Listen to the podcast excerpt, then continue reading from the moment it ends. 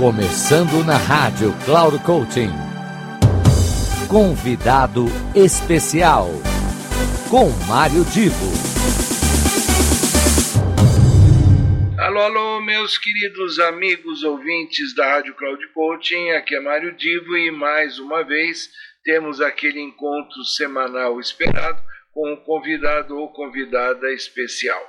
Aqui temos a Cristiane uma profissional de ponta, de primeiro nível, atende muitos executivos, muitos e muitos anos de experiência, principalmente voltado para a questão, período de trabalho voltado para questão profissional e comportamental e a, a, aquele tema que ela vai abordar e que vocês eu peço prestem muita atenção eu acho que não tem uma pessoa que possa passar imune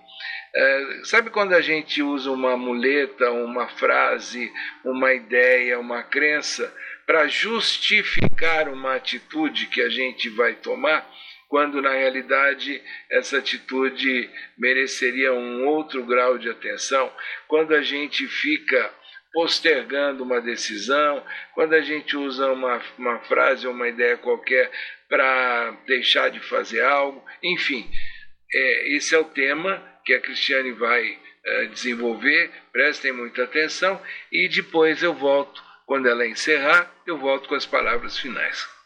Olá, Mário Divo, que alegria estar aqui contigo. Muito obrigado por esse convite. Tenho certeza que vamos desenvolver temas maravilhosos aqui nesse programa de hoje. Muito bom tá aqui com você. Obrigada. Bem-vindos a mais um encontro no canal Cloud Coaching. Eu sou Cristiane Maziero, consultora há 20 anos, mentora, coaching. Já atuei como coach de trinta executivos do Grupo Pão de Açúcar e agora estou aqui junto com vocês para falarmos de assuntos muito importantes para você e para as empresas em que atua. Hoje quero te convidar para tomarmos consciência a respeito de um tema muito comum e pouco discutido, pois na grande maioria das vezes focamos em ações que ficam no automático e pouco olhamos para as nossas sombras, aquilo que fica escondido aí, bem no centro de nossos sentimentos. Vamos falar sobre desculpas tranquilizadoras e ciladas mentais no processo de coaching. Muitas vezes, quando nos propomos a mudar algum aspecto de nossa vida, encontramos obstáculos internos que nos impedem de progredir. Esses obstáculos podem assumir a forma de desculpas tranquilizadoras ou ciladas mentais. As desculpas tranquilizadoras são frases que usamos para nos convencer de que não precisamos mudar, que estamos bem como estamos. Elas nos impedem de sair da zona de conforto e enfrentar os desafios necessários alcançar os nossos objetivos. Eu vou te dar um exemplo sobre algumas desculpas tranquilizadoras. Por exemplo, eu não tenho tempo, eu não sou bom o suficiente, isso é muito difícil, eu não tenho sorte. Por outro lado, as ciladas mentais são pensamentos sabotadores que nos fazem acreditar que não somos capazes de mudar, que não temos controle sobre nossa vida. Elas nos fazem sentir ansiosos e desmotivados, nos impedindo de agir e de realizar os nossos sonhos.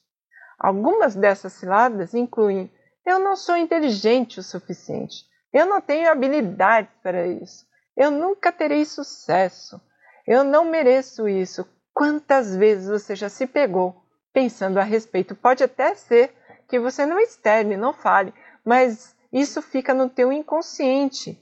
E aí vira uma bola de neve que te impede de fazer as coisas. Então, como podemos lidar com essas desculpas tranquilizadoras e ciladas mentais? Bom, eu acredito que o mais importante é reconhecer que elas são obstáculos reais para a nossa mudança. Nós não devemos subestimá-las ou ignorá-las, falar, ah, vem você pensando assim de novo. Não, mas encará-las de frente. Em segundo lugar, eu acredito que nós devemos questionar essas desculpas e ciladas, buscando por evidências que elas são verdadeiras ou falsas. Muitas vezes nós descobrimos que essas desculpas e são baseadas em crenças limitantes e realistas que podemos mudar. Eu, particularmente, gosto muito das quatro perguntas de Byron Kate. Ela tem vários vídeos, inclusive no YouTube, e recomendo você assisti-los. Ela faz uma disputa entre a verdade fatos e dados, com os desvaneios, de, aqui, que os devaneios de nossa mente que nos colocam nessas ciladas.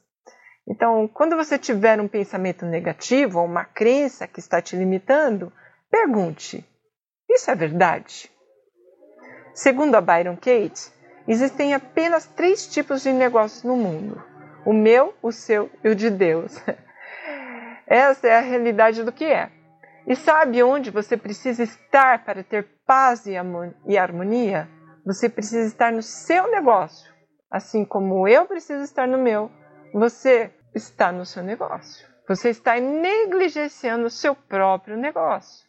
E quando você está no negócio de Deus, você está negando a realidade que ainda tem que trabalhar para alguém. Então, presta atenção nesses detalhes. A segunda pergunta que ela faz é: Eu posso saber com absoluta certeza que isso é verdade? E ela fala: qualquer prova de que cada uma dessas especulações se trata de verdade? Pode responder dizendo que você sabe que isso é absolutamente verdadeiro por razões tais e tais. Traga exemplos.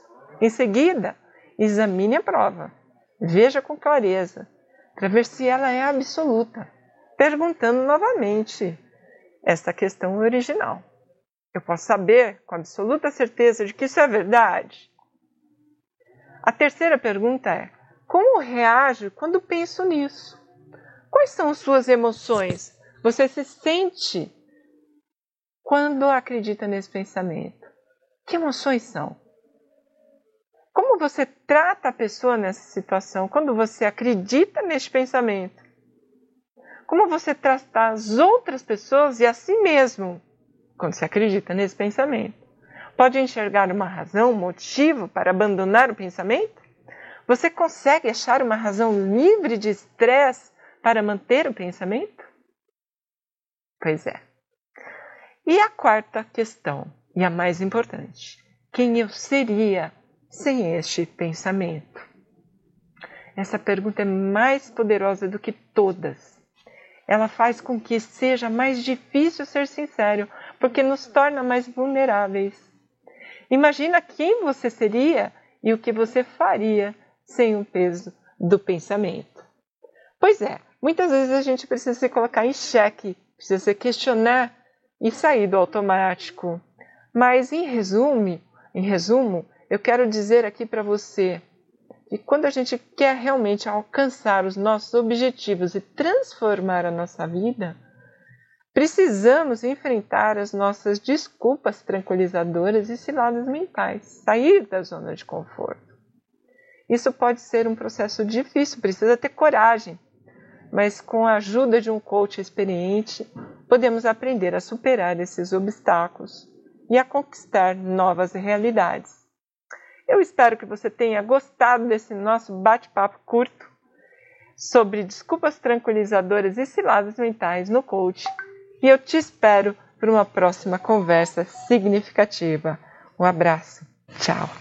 Pois é, então, meus amigos, aqui é a Rádio Cloud Coaching, a gente promete e cumpre, sempre trazendo uma pessoa muito especial para falar de assuntos importantes, interessantes, e tudo que a acabou de apresentar, certamente todos vocês poderão aplicar no seu dia a dia.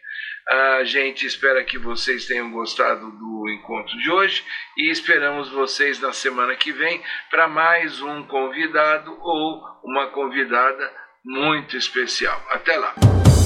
Final do programa Convidado Especial.